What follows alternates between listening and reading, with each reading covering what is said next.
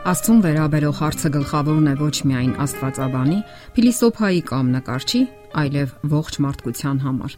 Բոլոր դարերի, ռասաների եւ մշակույթների մարդիկ հարցրել են աշխարհի ստեղծողի մասին։ Հին մարդու համար օրինակ Աստծո գոյությունն ինքնին հասկանալի է եղել։ Նրա մտքով անգամ չի անցել կասկածել դրան։ Հին ժամանակների մարդը սերտորեն կապված էր ģերբնականին։ Դեռ Ցիցերոնն է հայտարարել, որ կասկածում է այն մարդկանց առողջ դատողությանը, ովքեր շղթում են Աստծո գոյությունը։ Աստծուն մերժողները կանգնած են անհաղթահարելի արգելքի առաջ։ Աստված ապրում է մարդկային սրտի գիտակցության մեջ։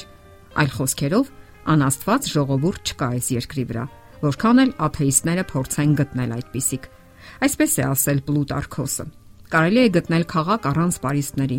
առանց գրականության, առանց թակավորի, առանց պալատների ու գանձերի, առանց սեփական դրամի, առանց թատրոնի ու գիմնազիայի, բայց քաղաք առանց տաճարի եւ աստվածության դեռ ոչ ոք չի տեսել եւ ոչ էլ կտեսնի։ Եվ Աստծո այդ գիտակցումը նույնքան իրական է, որքան ինքնագիտակցումը։ Մարդը չի ստեղծում Աստծուն որպես իր բաց հարցերի համար լուծում կամ էլ որպես գերագույն էություն, ում հովանու տակ կարող է ավելի լավ շահագործել իր հարևանին։ Ոչ, մարդը կանչում է Աստծուն, որովհետև պետք է կանչի անխոհեմ է Աստծո մասին գաղափարը բաժանել մարդկային կյանքից, քանզի դրանք այնպես են շահկապված, որ նա, ով ասում է մարդ, պետք է ասի նաև Աստված։ Իսկ աթեիզմը, որ քաղաքակրթության հիվանդությունն է, վերաբերում է մեր այլասերված աշխարհի ոչ նորմալ երևույթներին, ինչպես ինքնասպանությունն է։ Սակայն սխալ կլինի մտածել, որ Աստծուն կարելի է ներառել մաթեմատիկական սխեմայի մեջ եւ որ մենք մարդիկս կարող ենք ապացուցել Աստծո գոյությունը մի քանի բանաձևի միջոցով։ Հավատն Աստծո հանդեպ նախ եւ առաջ սրտի գործ է։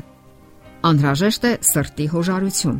որ միտքը բնության ու պատմության վկայությունների մեջ կարողանա ճանաչել արարչի հետքերը, ինչպես նկատել է Պասկալը։ Մարդկայինը սիրելու համար նախ պետք է ճանաչել այն։ Աստվածայինը, սակայն, պետք է սիրել այն ճանաչելու համար։ Քանի որ ըստ մեր փորձառության մեր երկրում ոչ մի բան ոչնչից չի առաջանում։ Ժամացույց չի լինում առանց վարպետի, ոչ էլ գիրք առանց հեղինակի, ոչ էլ մեքենա առանց ինժեների։ Այդպես էլ երկրի գոյությունը այլ կերպ հնարավոր չէ խելամտորեն բացատրել, եթե ոչ նրանով, որ այն դուրս է եկել արարչի ձեռքի տակից։ Բնախույս Աթանես Կիրիխերը կախարդական լապտերի գյուտարարը իր առանձնասենյակում հմտորեն շինված մի գլոբուս ուներ։ Մի անգամ նրան այցելեց աթեիստ ընկերը եւ ակնհայտ հետաքրքրությամբ հարցրեց. Ո՞վ է շինել այս գլոբուսը։ Ոչ ոք, պատասխանեց Կիրիխերը։ Ինքն իրեն է շինվել։ Կատակում ես առարկեց այցելուն։ Նրա ստեղծողը պետք է որ մեծ վարպետ լինի։ Ինչպես Դու չես հավատում, որ երկրագնդի փոքրիկ նմանությունը ինքն իրեն է ստեղծվել, սակայն հավատացնում ես, որ հենց այդպես է առաջացել մեր վիթխարի մոլորակը եւ չես ուզում ճանաչել արարչին։ Հարցնում է հավատացյալ գիտնականը։ Միթե այսօր էլ չկան մարդիկ, ովքեր ուզում են հավատալ միայն այն բանին, ինչը կարող են տեսնել ու շոշափել։ Հենց նրանց առանց վկայության չի թողել Աստված։ Նա դիմում է նրանց բանականությանը ամառվա գիշերային աստղազարդ երկնքի գեղեցկությամբ։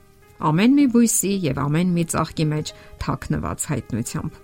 Ժամանակակից մարդը այդ ամենին սիրում է առարկել ներողամիտ ժպիտով։ Ախր այդ բոլորը պատահաբար են առաջացել։ Պատահաբար?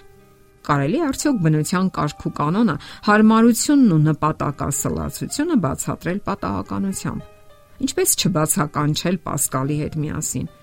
ինչպիսի անհավանականությունների պետք է հավատան անհավատները, որpիսի անհավատ լինեն։ Օրենքները գոյություն ունեն առանց օրենսդրի, կարգու կանոնը առանց կարգադրողի, շարժումը առանց շարժողի։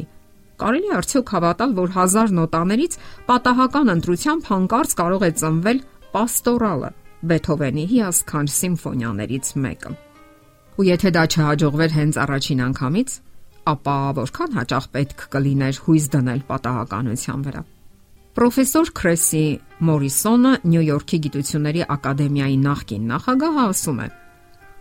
Երկրի վրա կյանքի ցակման ու գոյության համար այնքան բազմաթիվ էական պայմաններ են անհրաժեշտ, որ մաթեմատիկայի տեսանկյունից անհնար է, որ դրանք բոլորը հար գեղած համապատասխանությամբ պատահականորեն գտնվեին ինչ որ ժամանակ մի ինչ որ երկրում։ Այստեղից երևում է, որ բնության մեջ պետք է լինի ինչ որ հոգևոր կառավարություն, ու եթե դա այդպես է, ապա այդ ամենի հետևում պետք է լինի որոշակի մտահղացում։ Ընդհանրապես սխալ է կարծել, թե բոլոր գիտնականներն անհավատ են։ Իրականում բոլորովին հակառակն է։ Որքան ավելի կրթված է մարդը, այնքան ավելի ակնածանքով է վերաբերվում կյանքի առեղծվածին։ Միայն անկիրտները կարող են ծաղրել Աստծուն։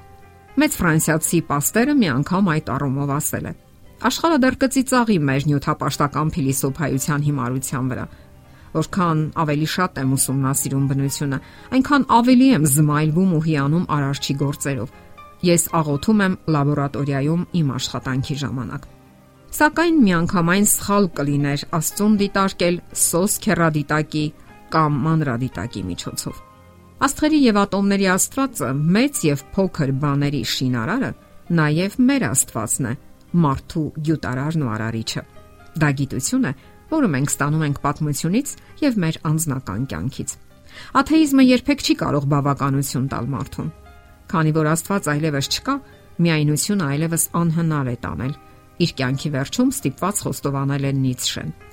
Այդպես էլ բոլոր մյուս փոխաստվածները, որոնցով ժամանակակից մարդը փորձել է զարթարել աղոտ երկինքը, չեն կատարում իրենց վրա դրված խնդիրները։ Ինչպես օրինակ իշխանատենչությունը, որը կործանեց Ալեքսանդր Մակեդոնացուն, Ցեզարին ու Նապոլեոնին,